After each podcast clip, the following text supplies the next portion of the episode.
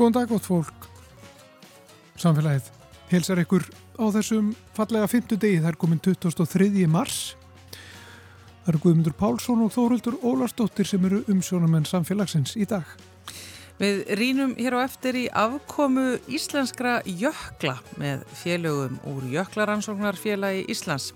En sáfélagskapur mælir og skoðar jökla árlega og hefur í gegnum tíðina sapnað miklu magni upplýsinga saman um þessi stórbrotnu og ægi fögru náttúru fyrirbæri. Jöklunum okkar líður ekki nógu vel í þeim loftlagsbreytingum sem er að eiga sér stað. Þeir eru að breytast og mikill hlutið þeirra mun hverfa endanlega fyrr heldur en síðar því miður. Við ætlum í tilefna af alþjóðlegum degi Vass sem var í gær að fjalla um vatn á Íslandi.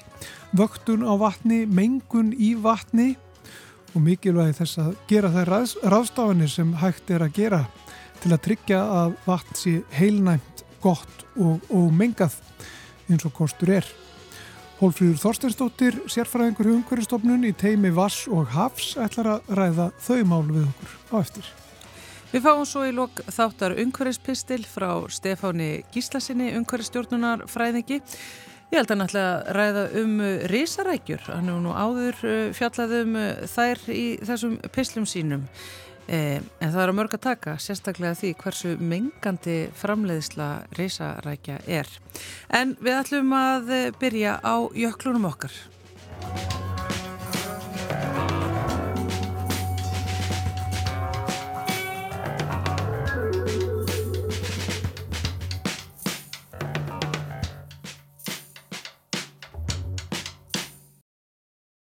Við ætlum að ræða um breytingar og afkomu íslenskra jökla með Andra Gunnarsinni sem er formaður Jöklaransóknarfélags Íslands og Hrafnildi Hannesdóttur, jöklafræðingi.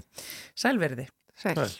Sko það er náttúrulega fylst grant með jöklunum okkar, uh, hvernig þeir hafa breyst bæði gegnum tíðina og síðan hvernig afkoma þeirra er á milli ára og ef við byrjum kannski á að, að skoða síðustu skoðun á uh, afkomu þeirra. Já, e, það er sjálfs eins og segir sko jöklar, íslenski jöklar hafa verið vaktaðir e, nokkuð, myndi ég segja, ítalega, kannski svona undanfærin 25-30 ár Þetta semst er veðstof Íslands, um, jöklahópur innan háskólans og, og landsvíkjun sem svona saminast svolítið um þessi verkefni. Bæði þá frá svona í raun og veru svona praktísku sjónamiði sem er kannski landsvíkjum meira og svo vísindin og vöktunin sem kemur hínum með frá. Og það sem að kannski í, í samhengi þessara afkomumælinga má færa rauk fyrir því að íslenskir jöklar og þá yfirleitt erum við að tala um þess að þrjá stæstu vatnijökul, hófsjökul og langjökul séu nú með best vöktuð jöklum í heiminum. Mm. og hluti af þeim var núna að komast inn í fræðarhöll hérna jökla í, í heiminum. Eða það er apparat sem heitir eh, WGSM sem er World Glacier Monitoring Service og þeir halda svona utanum jöklugögn í heiminum. Og það voru fimm nýjir er það ekki að bætast þar inn í íslenskir. Það er þá Eyjabakkajökull og Brúajökull og Túnajökull. Og svo Bláknýpijökull og Þjósarjökull þannig að þeir eru að flokka þetta niður eftir einstakar skriðjöklum. Já Þannig við, eigum, við erum komnir í sko, við erum komnir með heimsmeistara. Já, eins og ég segi, það er fylst rosalega vel með þessum félögum okkar. Já, það kannski kemur út á það að það er svona almennt síðan er þessi verkefni þannig að það er farið á, á þetta snýst á um það í sjálfu sér að meta þetta sem við kallum afkomi sem er þá í raun og hversu mikið kemur inn yfir veturinn, hversu mikið snjóður á jökulinn og svo hversu miklu hann tapar yfir sumarið eða leysingatímabilið og ef hann tapar meira heldur hann græðir þá er hann í sjálfu sér í mínus og, og, og, og tapar massa. Já. og það hefur verið tilfelli fyrir eiginlega alla íslenska jökla í, í að vera 30 ár, kannski einu ári frátöldu. Og þetta er það sem að, í sjálfu sér við köllum ákomu og það er þá farið stóri leðangrar á, á vorin og gerðar fullt fullt af mælingum.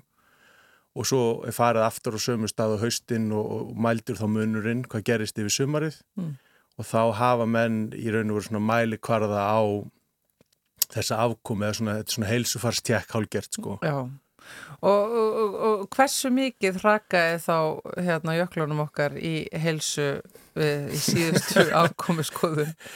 Sko afkomi árið er gerðnan frá uh, semst, í raun og hausti til haust og, og í fyrra var svolítið sérstakur vetur, það var svona tiltölu snjóðfungur vetur sérstaklega svona sunnan megin á hálendinu og það var til þess að þessi vetra afkoma snjórin sem safnast á jökulni veturum var tiltölu mikil Já.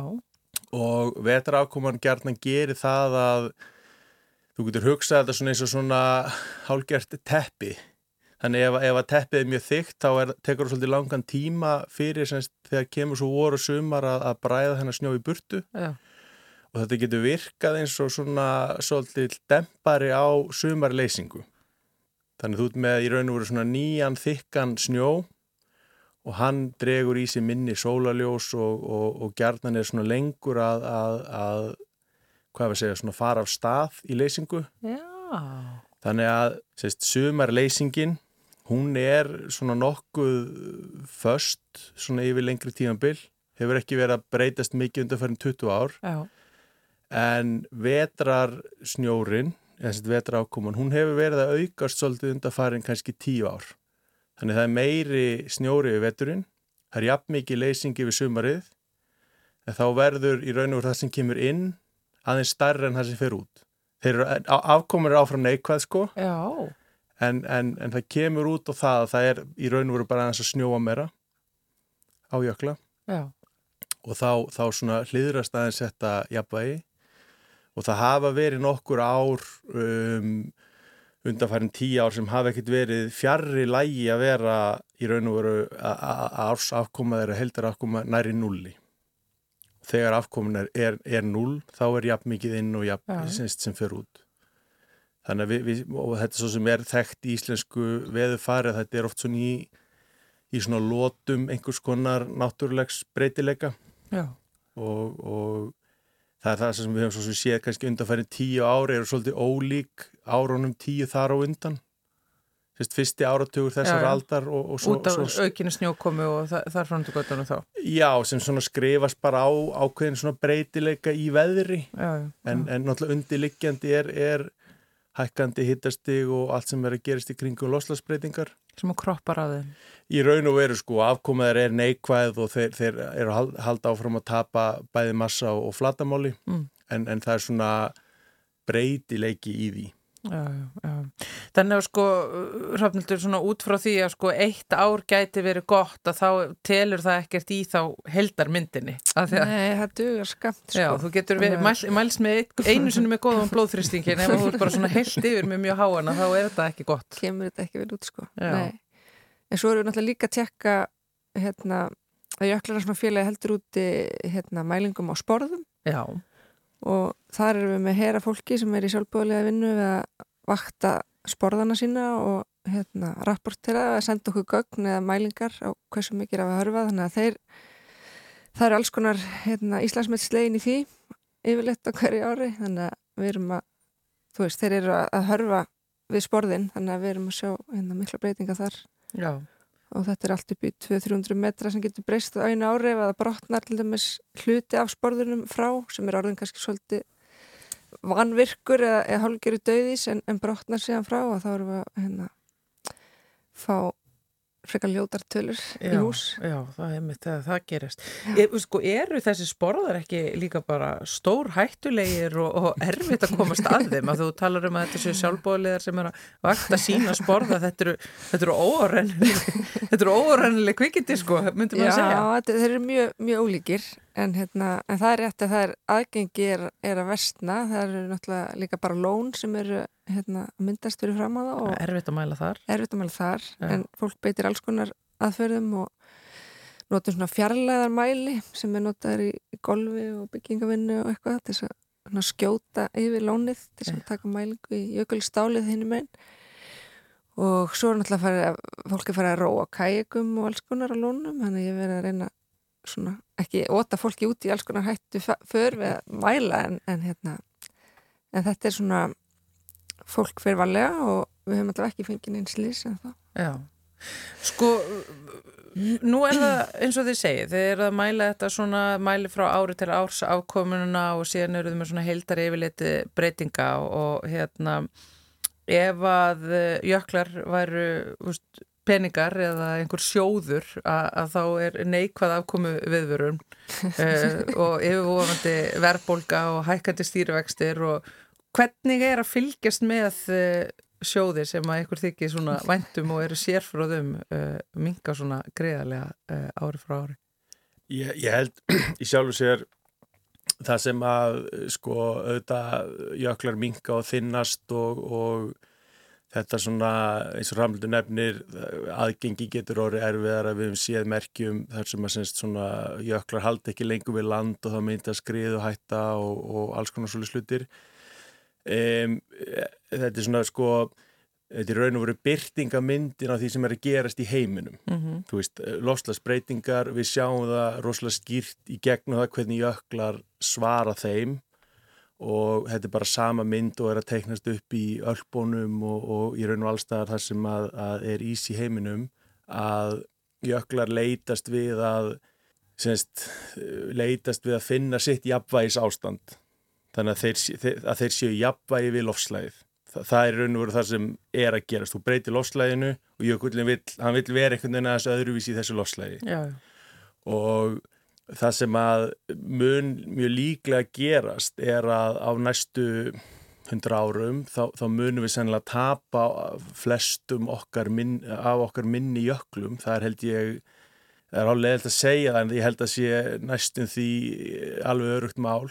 Við munum sjá mjög mikla breytingar á stóru jöklunum, þeir munum kannski ekki alveg hverfa en, en það er svo sem alltaf að koma út ný gögn og, og ný greiningar sem að það bendir allt í þessa áttina og það er bara spurning hvert þetta nýja jafnvægi verður í, í einhvers konar nýju loslegi í heiminum Er þetta ekki svona pínum myrkt að maður gengur á snæfellsjökul eða drangajökul til dæmis og hugsa til þess að þetta er, ég er að gera eitthvað sem að barnabörnum mín fá mögulega ekki að gera. Jú, ég held að það sé alveg þú veist, maður tekur þetta ekki maður ekki, gengur ekki með sorg í kannski í vinnun alla daga en, en þetta er svona þetta er, þetta er sérstakt og hérna og, og það sem við erum kannski líka e, innan við banda jöklar og svona félagsins er bara að reyna að kannski miðla sem mest og, og erum að leggja en þá meira áherslu kannski hefur verið að bara reyna að fræða fólk og fá allar til þess að meðtaka þetta mm -hmm. Þetta er rosalega skrítin tilhugsun sko Já.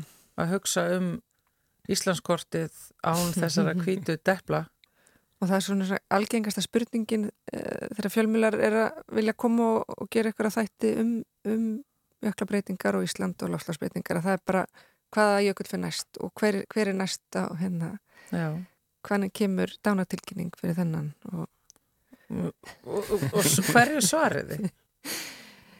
Um, við erum svona aðeins að reyna að þetta ná, nákvæmar en hugmyndin er að það var opnuð ný vefsjó fyrir árið síðan, Já. næstu upp á dag. Hún er frábær. Íslenskijöklar.is og er orðin til á ennsku líka. Og þar er hugmyndin að búa til sérstakka korta þekju þar sem er, er búið að krossa yfir eða setja hauskúpur eða krossa þá jöklar sem eru hortnir og og hérna Otti Sigursson hefur mikla vinnu, heimildavinnu við það að reyna að finna e, og, og merkja nöfn allra jökla á Íslandi. Og hérna þannig að vondi ekki það sem að gleðast yfir því að við sem að fjölga þessum hópi en við erum að reyna svona að upplýsa um hver staðan er. Þetta er náttúrulega mikla breytingar landslægi. Hvað jökulegu að skoða bara að því að veist, hann verður ekki til staðar uh, mjög svar og þú maður þá segja mitt hluta jökli eða jöklasporða Já, það er alltaf margir litlir jöklar sem við, margir veit ekki sem eru til þú veist, hundruður jökla á Tröllaska það eru litlir jöklar á Östfjörðum Háttbífjöllum mm -hmm. um, það eru svona kannski eins nafnkunnar jöklar uh, Þrándarjökull og Hásjökull Eistri og svo sem hafa ekki fengið miklu aðtikli litlir jöklar hafa hingað til ekki fengið miklu aðtikli við erum breyta því? Það þarf að breyta því.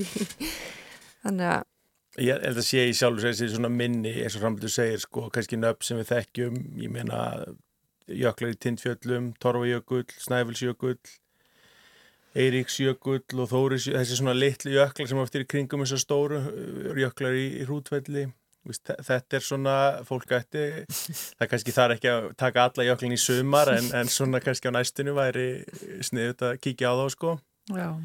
En, en þetta er að ég held það sem kannski er oft erfitt sko tímaskalin á þessu er svo skrítin að því við, við lærum jarfræði og, og, og vatnafræði og allar þessar hluti og þá ertu alltaf að horfa einhverja svona breytingar á í, í raun og veru sem kannski spanna miklu lengri tímabil en mannsæfi og það er svo óraunverulegt að hugsa það sko, þú degnast börn í dag sem kannski munum bara upplifa þennan hlut einhvern veginn allt öðruvísi sko. Já. og ég held að margir eigi svolítið erfitt með að Þetta er erfitt. Já, þú veist, þetta er svo óraunverulegt sko. það er kannski það sem ég held að fólk uh, eigi erfitt með að einhvern veginn setja sér í þau spór sko. Nú erum við hérna bara taland um þetta ferðast fram og aftur í tíman að, að Jöklans og félagið hefur geimt í myrkum geimslum hérna marga kassa af, af ljósmyndum af jöklum. Já. og við erum búin að vinna því núna í halvt ára að skanna þessa myndir og koma þeim út á internetið og, hérna, og þar er bara stendur þetta bara svart og hvítu og er hérna, svo áþreifanlegt hversa breytingar eru miklar. Þessar samaburðmyndir sem maður hefur séð frá ykkur eru bara sláandi það kemur bara svona steitn í magan þegar maður horfir á þessar myndir hvað þegar maður sér þessar breytingar mm -hmm. það er veist, ég meina hvað er það að kalla þetta? Yfirvofandi útrýmingarhættu Ég þarf að kalla því sjálf hvaða nafni sem er sko, þetta er náttúrulega, eh, ég held að sé alveg augljóst mála, það þarf svolítið að fara að bretta upp ermarnar ef við ætlum að komast fyrir þetta á einhverjum tímapunkti sko. Og það þarf náttúrulega kannski, ef maður horfir á það raunsætt, bara það sem er í raun og veru svo hlínun sem þegar hefur orðið, hún mun, þó við myndum hætta allir í losun í dag og, og hlínun í raun og veru myndi hætta sem er náttúrulega svona óraunhæf sviðsmynd. Mm -hmm þá er samt sem áður tækið að okkar jökla ár og ára tugi að ná þessu jafnvægi í nýju loslægi. Þannig að við erum alltaf að horfa nokkur ára tíu fram í tíman eh, hver svona einhver, einhver enda stað að einhver tíman verður sko. Já, já. En hérna það er bara eins og þú segir sko þetta er, þetta er mikið svona ójafnvægi og, og það sést einmitt e, einstaklega greinilega eins og þegar maður horfur á svo gömlu myndir sem eru kannski bara 50 ár millir mynda einhvern veginn breytingarnar eru svo rosalega sláandi að þú sér kannski litla breytingar og fer á samastæðan ár frá ári sko mm -hmm. það er svona kannski týnist svona stundum í söðinu sko en þegar þú sér sko einmitt 50 ára ganla mynd eða, eða 100 ára ganla mynd eða hvað það er þá einhvern veginn er breytingin alveg gigantísk sko. Já, já.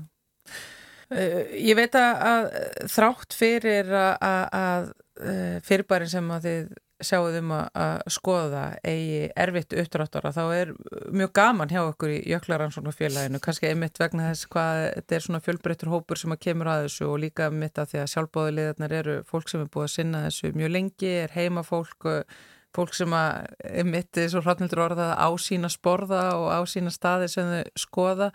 Eh, þessi félagskapur eru margir sem að vilja leika við ykkur Já, ég held allavega að það er hérna, við fáum nýskráningar í hverju mánuði og hérna og uh, já, ég held að það sé bara aukin áhugi á útivist, kannski leiðir þetta líka af sér hérna uh, að fólk hefur áhuga á sækjast í að komast upp á jökla og hérna fara á gönguskýðum eða fjallaskýðum eða hvaða nú er sem fólk er að nota til að renna sér. En, en hérna ég held að sé svona almennt aukin áhugi á því og við erum skipilegi nokkra ferðir yfir árið og, og framöndan er sérst ferða vatniökul í mánamótin maður-júni það sem er viku ferð, það sem er að sinna alls konar mælingum og, og svona að gefa leikmönnum og öllum færa að, að taka þátt. Og það eru allt og margar umsóknir.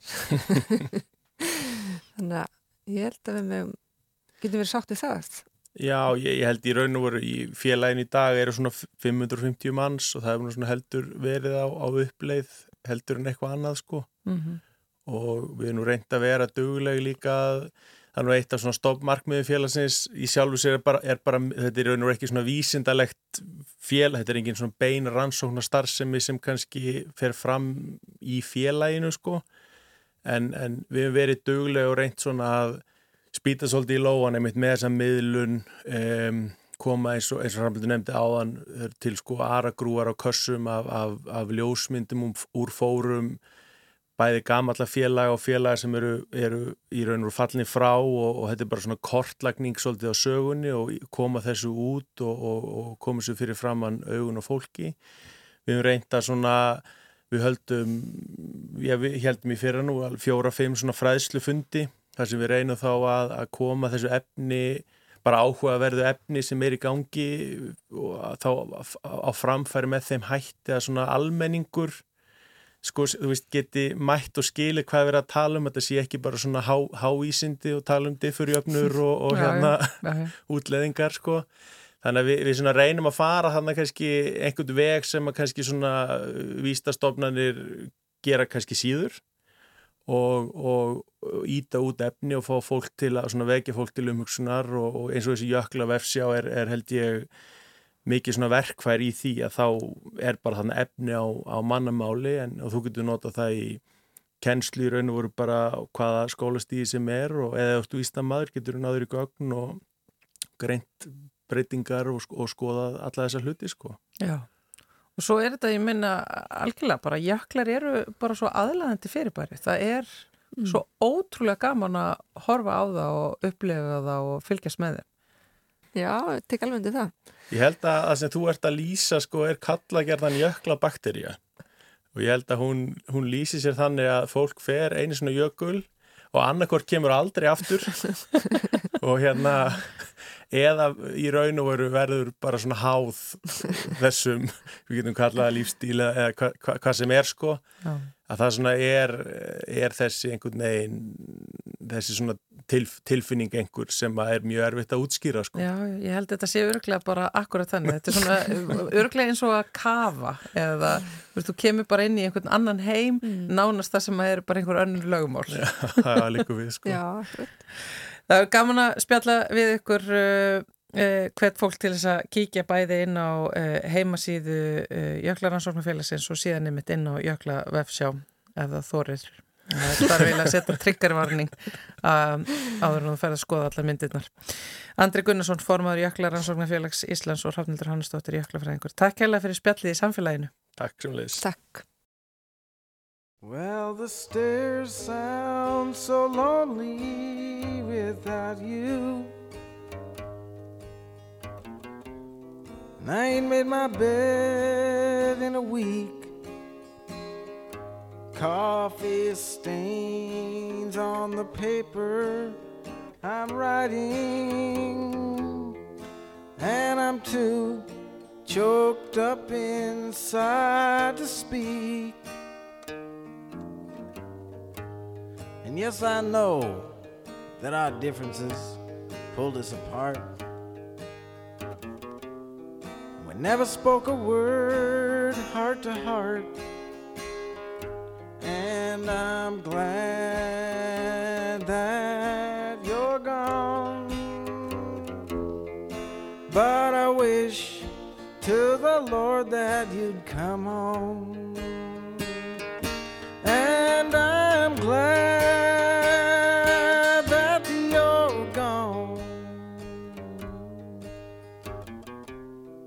Got the feeling so strong and I'm glad that you're gone. But I wish to the Lord that you'd come home. Well, my guitar still plays your favorite song. Though the strings have been out of tune for some time. Every time I strum a chord, I pray up to the Lord that you quit your honky tonk and sing my song.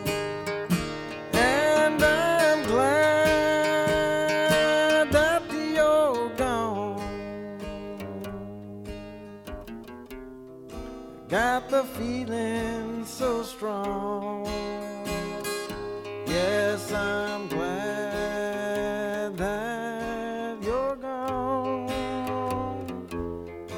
But I wish to the Lord that you'd come home.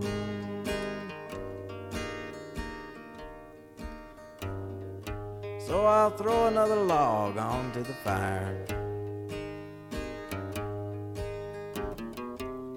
And I admit I'm a lousy liar. As the coals die down and flicker, I hear that guitar picker play the song we used to sing so long ago.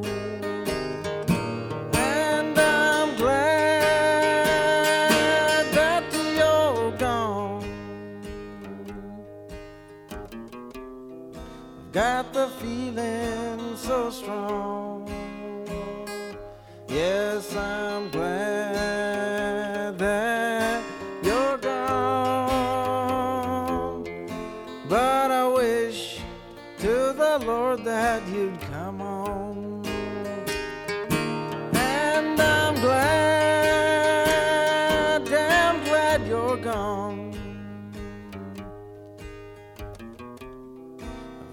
the feeling so strong. Yes, I'm glad that you're gone. But I wish to the Lord you'd come home.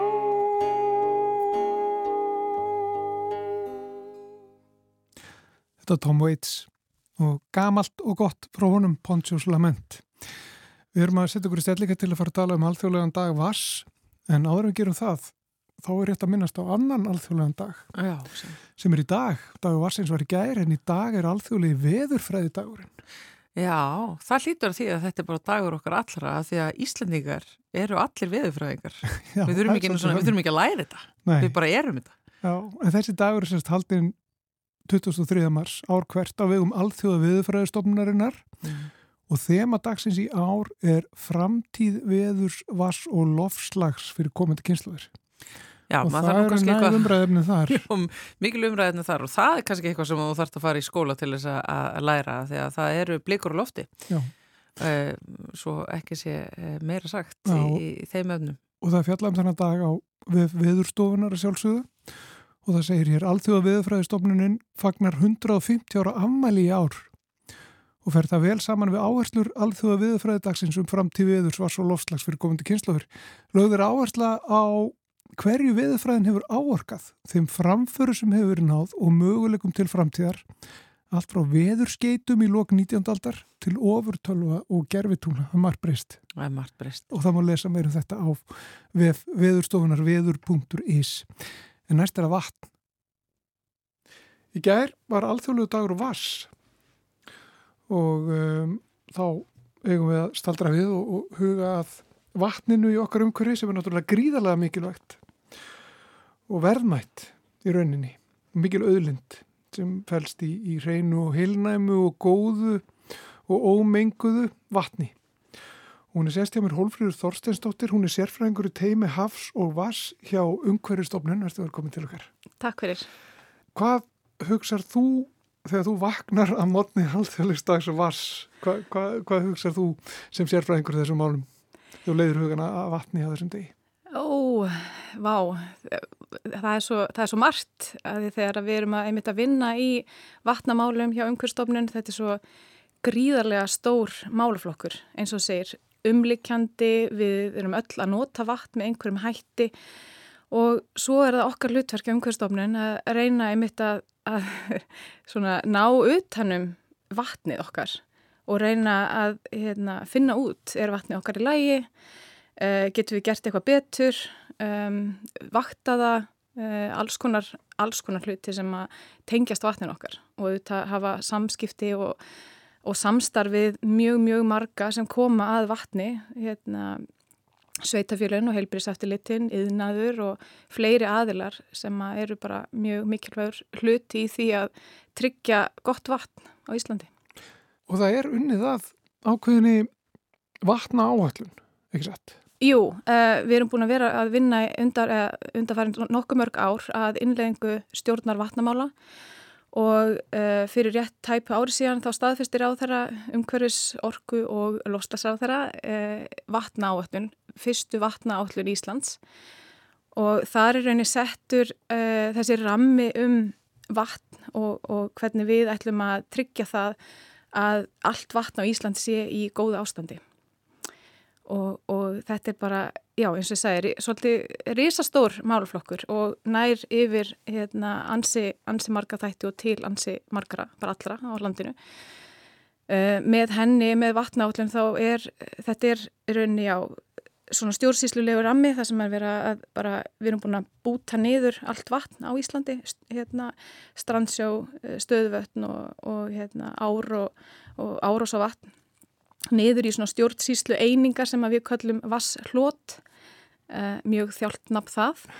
Uh, en hérna já og þessar í rauninni þessar stjórnsýslu einingar þær fá síðan svona ákveð uh, ákveðna meðferð í stjórnsýslunni hjá okkur. Þannig að, þannig að það sé hægt að halda utanum hvert og einasta vasshlót og segja þá með eftir rannsóknir og gögn að þá getur við sagt þetta vasslóti er í góðu ástandi. Þannig það er í rauninni vinnan sem við erum síðan að að gera núna og vinna að og, og um, við erum búin að vera til dæmis að vakta uh, taka hérna uh, til dæmis forgangsefnamælingar uh, og vaktlistamælingar svo er bara já, alls konar vinna í þessu að, að tryggja það yðnaðurinn sé að, að hérna, reynsa vatn áður að losa það út í viðtakan okkar. Þetta er svona er, er risastórt verkefni. Já. Hvernig er umgjörðin sko bara reglur og, og, og lagasetningar og þess að það sko um, um uh, já, nótkunn og meðferð á, vatni uh, til dæmis að þú nefnir nú um, fyrirtæki og, og þess að það sem að, þarf að gæta að, að fara eftir öllum settum reglum og fara vel með. Já, Já, við uh, yðnaður og, og fyrirtæki sem eru mögulega mingandi, þau hafa öll, uh, flest öll allavega starfsleifi og eiga að fara eftir því og það eru mismunandi aðl sem eru með eftirlitt og gefa út starfsleifin. Uh, þegar kemur að neysluvatni, hérna, þá það getur verið þess teilbyrjus eftirlittin og það getur verið við um, og matvælastofnun og fleiri hérna, aðilar sem að koma að, að því en Já og, og í þessi starfsleifir þá settar kröfur um að það eigi að reynsa uh, vatn með ákveðnum hætti eða hérna, úrgang í rauninni frá þetta vatn frá þessum fyrirtækjum. Þannig að þeim ber að fara eftir því en auðvitað stjórn vatnamála og vatna áallun er uh, tiltöla nýtt á Íslandi. Þannig að þessar kröfur sem að gilda uh, þar inni og inn í þeim rannma að þær, hérna, við erum svo sem að vinna í því að koma því inn hjá yðnanum. Já og, og það þarf að vera eftirlit með þessum málum og, og er eftirlit, menn er það nægilegt? Uh, já, það, það kannski fer alveg eftir í hvað er verið að skoða og, mm. og hérna, hjá hverjum, uh, hjá hvaða aðila. Það, þetta getur verið uh, svo misjáft við kannski, hérna, um, já, ég menna starfslefin hafa ákveðin líftíma þannig að þau eiga að vera endur skoðið ákveðin tíma og, og allar kröfur og eftirlit á að vera hérna, eh, í samræmi við lagaraman. Já, þið eru að vakta uh, vatn í, sko, þetta er alls konar vatn sem við erum að tala um, er það ekki? Það verður að tala um neyslu vatn og það verður að tala um uh, ár og leggi, það verður að tala um strandsjó, eins og nefndir á hann. Vatn er á hýmsu formi og það er notað hýmsu tilgangi og svo bara erðað allt um líkjandi mm. en þið eru að vakta þetta og þið, þið hafið sendt frá okkur það ekki já, samantektir á, á niðurstöðum úr þessum vakturum.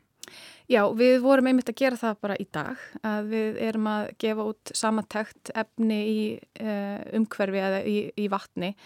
Þetta er samantekt af því að í rauninni sko, umhverfstofnin við erum stjórnsýslstofnin þannig að það er kannski okkar rammi og, og við kannski sjálf erum ekki mikið að vakta en undir stjórn vatnamála þá hérna fer um, um, við eigum að sjá um það það sé ramman sér til og viðmjönumörk og það sé fari eftir þessu öllu saman og kerfið sér til. Þannig að það sé raunverulega hægt að vakta og bera sér saman við eitthvað. Þannig við getum sagt það er gott ástand. Uh, en hérna já við uh, af því að þetta er svolítið nýr málaflokku þá að fara á stað þarna 2019 og 20 að mæla í fyrsta skipti forgangsefni á Íslandi og þetta eru hættuleg þrávirk efni í umhverfi einn 45 talsins minn mig. Um, og það er gert já í fyrsta skipti á Íslandi og við gerðum það í einhverjum um það byrj 12 uh, vasslótum það sem var í raunin bara að vera að taka stöðuna. Eru við að finna eitthvað sem efnum í umhverjum okkar mm -hmm. og, og að, hvernig kemur það síðan út hjá okkur. Þannig að sömum stöðum vorum við ekki að finna neitt þar sem við getum eh, vissum það fyrirfram í rauninni og vorum að skoða bara til samanbyrðar. Það eru ákveðin vasslót sem er ekki með neitt álag en síðan eru öðun önnur sem eru kannski nálega þjættbíla sem eru með hérna, mikið álag og, og þar voru við því miður að, að finna nokkur af þessum efnum og, og hérna í rauninni tveimur vasslótum að uh, við erum í rauninni, já, sérst, það fundist þannig efni og yfir uh, viðmjönumörkum að þau ná ekki umhverjus markmiðum sínum. Þannig að þau eru ekki í góð ástandi og við erum búin að staðfesta það. Þannig að þetta eru tvö vasslót sem eru í rauninni slæmu efnafræðilegu ástandi og þá kemur einmitt inn í rauninni krafa á þann sem er uh, mengunar aðilan að fara í aðgerðir við að draga úr lósun á þessum efnum og tryggja þá aftur gott ástand. Já, hvaða efni eru þetta? Uh, þetta í þessum tveimu vasslótum þá voru þetta efni eins og flúorandin og benzoapíren og þetta eru bæði efni sem að uh, losna við bruna eldsneitis og mm -hmm. við vitum það að við, það er mjög erfitt fyrir okkur að fara að stýra því við, það er mjög erfitt fyrir okkur að fara það gengur ekkert voða vel að banna öllum að kera bíl til dæmis mm -hmm. þannig að það er kannski líklega uppsprettan þar á þessum efnum en hérna, þá svo sem eftir að bara greina það betur þetta er bara, niðurstöðnar eru svona en við vitum raunin ekki hver nákvæmlega uppsprettan er og svo er það síbermetrín og það er, það er skortireiðir, plöndu varnarefni. Get bara af því að við erum raunin að nota skortireiði, bæði sveitafjölu og einstaklingar í mm -hmm. görðunum sínum þannig að við erum að dreifa þessu í umhverju okkar og að lokum að endingu fyrir þetta allir vatnið þannig að við meðum ekki gleyma því Já. og PFOS efni sem eru mjög þrávirk og, og hættuleg í umhverjunu og þetta eru efni sem er, efni sem er í ótrúlega mörgum flokkum. Eh, Útvistafatnaði af því að það er svona vassfráhrindandi, teflon, uh, af ísingar, vökva og flúvöllum uh, var líka mikið notað í slökkvifróðu til dæmis, að hérna, því meður út um allt svolítið. Og, og þetta eru efni sem eru búin að fá viðmunamörk, þannig að við megum raunin ekki fara yfir þau og ef við förum yfir þau þá verðum við að, að grípa til einhverja aðgerð til að draga úr þessari lósun. Þannig að núna er það þá hlutverk þessara sveitafélag sem eru einmitt uh, með vasslót í slæmu ástandi að uh, nú þurfum við svolítið að vinna með þeim bara að finna hver eru upptökin og hvernig getum við laga þetta. Já. Og hvar eru þessi vasslót? Þetta er tjörnin í Reykjavík og kópásleikur. Já. Og það hefur verið vita náttúrulega lengi að það er ímislega sem berst í tjörnina í Reykjavík. Já. Og það hefur verið skoðað áður. Og já. gefnar út skýslur um tjóðina mér sé. Já, já, já. Og, og, en núna bara með stjórn vatnamála og þessum ramma að þá eru komið með mjög stífan, stíft regluverk sem segir bara þú ert búin að menga, vasslóti hjá þér er komið yfir uh, mörg, það er í slæmi ástandi og nú er hérna, komið bara að krafa á þá sem eru ábyrgir að fara í aðgerðir. Já. Við, og rammin er líka, sko, vatnaállinu gefin út til 6 ára í senn, þannig að uh, þessi mengandi aðili eða þessi ábyrjar aðilin hann hefur þá sex ár til þess að breðast við fari mm. úrbætur. Og hvað, hvað kemur til greina sko? eins og hún nefnir tjötnina og það hefur eh, eitthvað verið gert þar það var hún gripið til eitthvað aðgerð fyrir nokkrum ári síðan þar uh, og brúðist við, við mengun í, í, í tjötninni. Já, já, borgin búin að einmitt vakta vel og, og, og gera ímislegt. Uh, en eins og afrensli af gödum og þess að sem, uh, sem að fer bara í tjötnina, er það ekki ennþá? Jú, það er nefnilega máli. Við til dæmis... Er stórmál að bæta úr því? Já, þetta auðvitað eru, já, já. mjög kostnarsamar aðgerðir. Mm -hmm. Að það er að, að stoppa reynsa allt ofanvatn sem kemur af vegum eins og bara ringbrötinni hérna í kringu eða hérna, af öllu þessu svæði að reynsa það, þetta allt saman áður en það fer út í tjötnin eða vassmýri þannig að auðvitað þetta er bara risa, getur verið risastórt verkefni Já, En kópásleikur, er, er það sama þar eða? Uh, það er, það er eiginlega svo litið erfiðara það er náttúrulega alls konar yðna starfsemi, lítil og fyrirtæki þarna í kring og að uh, lækurinn hann fer í gegnum Reykjavík líka. Hann byrjar raunni þar upp í selja hverfi þannig að við þá er raunni bara eftir að fara í þá vinnu að, að finna upptökin og, og reyna að hérna, stoppa þau þar. Já, um, Getur þú sagt mig meira frá þessum degi Eh, sem var 22. mars í gær sem mm -hmm. alþjóðlega dagur vass og þetta er sett í samengi við sjötta heimismarkmið saminuðu þjóðuna eh, sem er það að tryggja hreint vatn og hreinlætisaðstöð fyrir alla jarðarbúa fyrir árið 2030. Þetta Já. er hálegt markmið eh, fyrir stuttan, á, á stuttum tíma. Já, það er svo sem þetta markmið er búið að vera í, í nokkur ár. Mm. Uh, uh, já og uh, eins og kemur fram hjá þeim að þá hafa menn áhyggjur af því að þeir mun ekki ná þessum markmiðum fyrir 2030 og, og hérna, já, ég held að fyrir svona ákveðna málaflokka þá getur við alveg verið sammála því.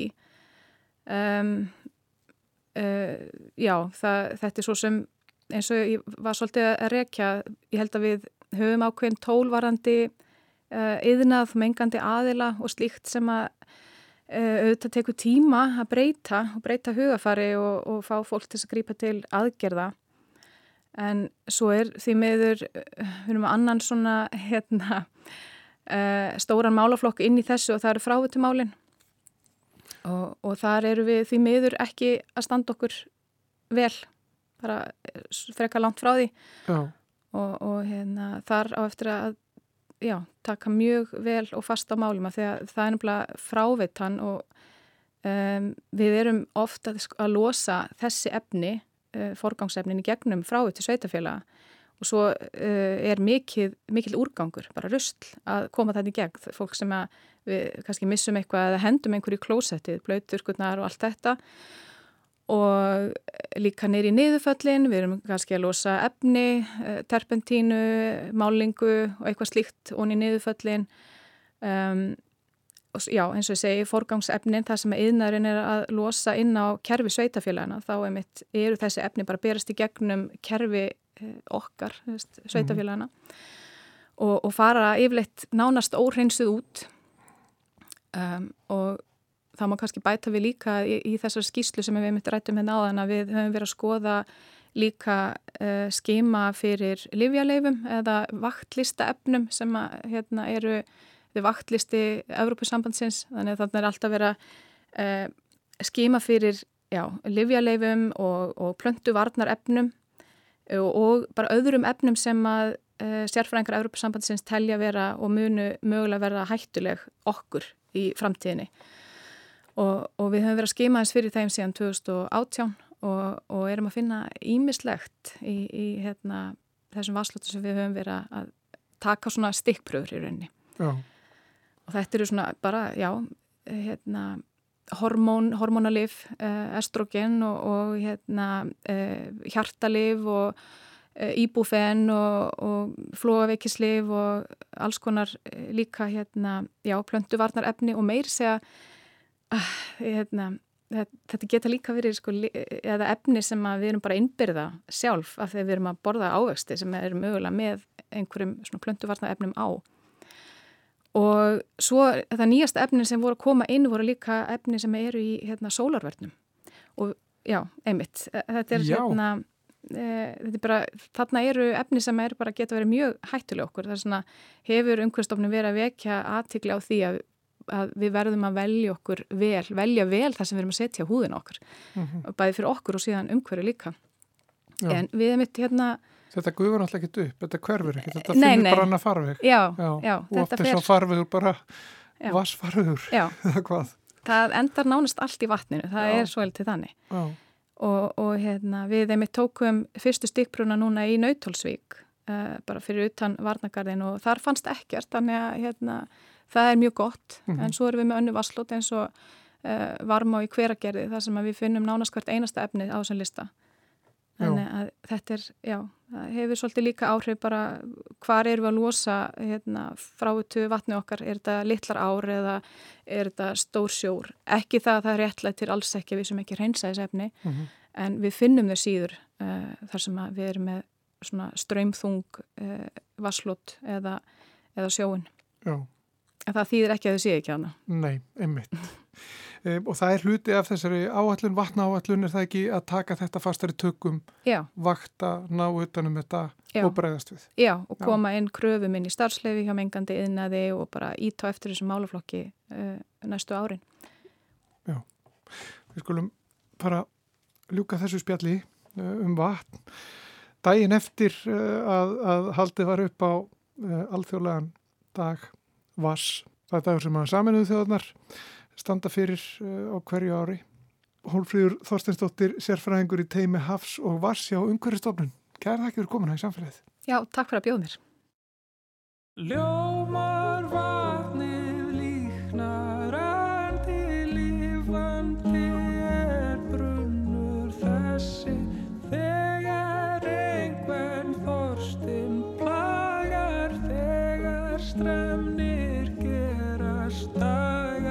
svölun alltaf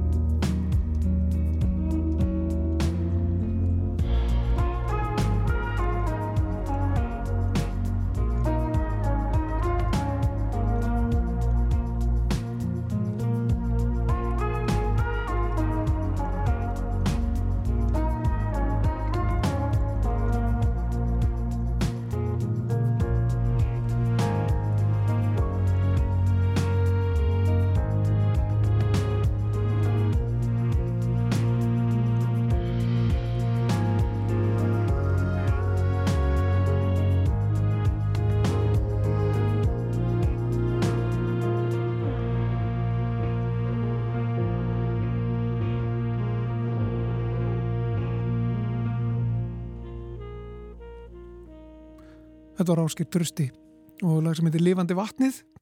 Lag af blötunni Sátt sem kom út árið 2020 en næstur komið að Stefáni Gíslasinni hann ætlar að lesa okkur umhverfis pistilinn Á síðustu tveimur árum hef ég í tvígang gert risarækjur að umræðefni í útvarspislum og þá meðlans lagt til að fólk hætti að kaupa rækjur á þessu tægi, hætti að borða þær og noti þau tækifæri sem gefast til að útskýra ástæðinu fyrir öðru fólki, þar á meðal fólki sem vinnur í verslunum og veitingastöðun sem bjóð upp á þessa fæðu. Þetta sé meðlans hægt að gera með því að spyrja hvort blandaði sjávarétturinn eða sjávaréttarsúpan innihaldi nokkur risarækjur og með því að færa þetta sem oftast í talvið sem flesta. Í fyrri pislum hefur bent á nokkra ástæður þess að risarækjur séu kvorki góðar fyrir umhverfinni samfélag, meðlans vegna þess að rækjueldi er stundað á strandfennja svæðum eða í manngrófs eins og þessi svæðir eru nefnd í alþjóðlir umræðu. Í löndum þar sem rækjueldi er mest, svo sem í Bangladesh, Tælandi, Vietnam, Indlandi, Kína og Ekvator, hafi lífríkinu sem áður þreifst á þessum svæðum verið rutt í burtu og í staðin sem komi nýtt landslag með rækjueldiskerjum. Skaðsimir félist sem sagt meðal annars í eyðingu búsvæða, hrygningastöðva og uppeldistöðva fjölmarkra lífera, eyðingu veiðisvæða og þar með matarbúrs heimafólks, gríðalegri losun kólefnis til að fenin eru rutt, aukinni flóðahættu, ofveiði á sjávarlífurinn til fóðurs og slæmum vinnuðastöðum. Rísarækju pislati mínir hafa fengið meiri viðbröð en flestir aðri pislar sem ég skrifað og flutt í útvarpi. Fólk hefur meðlans haft orða því að því hefur þótt leiðinlegt að þurfa að hætta að borða rísarækjur og annað fólk hefur spurt áhugaverðar spurninga. Einn spurningi snýrist til dæmis um það hvort íslenskar rísarækjur væri jafn slæmar og rísarækjur frá Suðaustur Asju. Svari við þeirri spurning var einfalt. Íslenskar rísarækjur eru ekki til. Með spurningunum íslenska risarækjur fekk ég senda mynd af risarækjum sem greinilega hæði verið pakkað á Íslandi og voru böðnar til sölu í fiskbúð á höfuborgarsvæðinu. Á umbúðunum stóð hvergi að vara veri framleitt á Íslandi en þar stóð hins vegar með hástöfun áleitrunin allt það góða úr djúpunu. Svo sem spurði tengdi þetta vísafæradjúp þó að það veri alls ekki beilinni skifið til kynna á umbúðunum.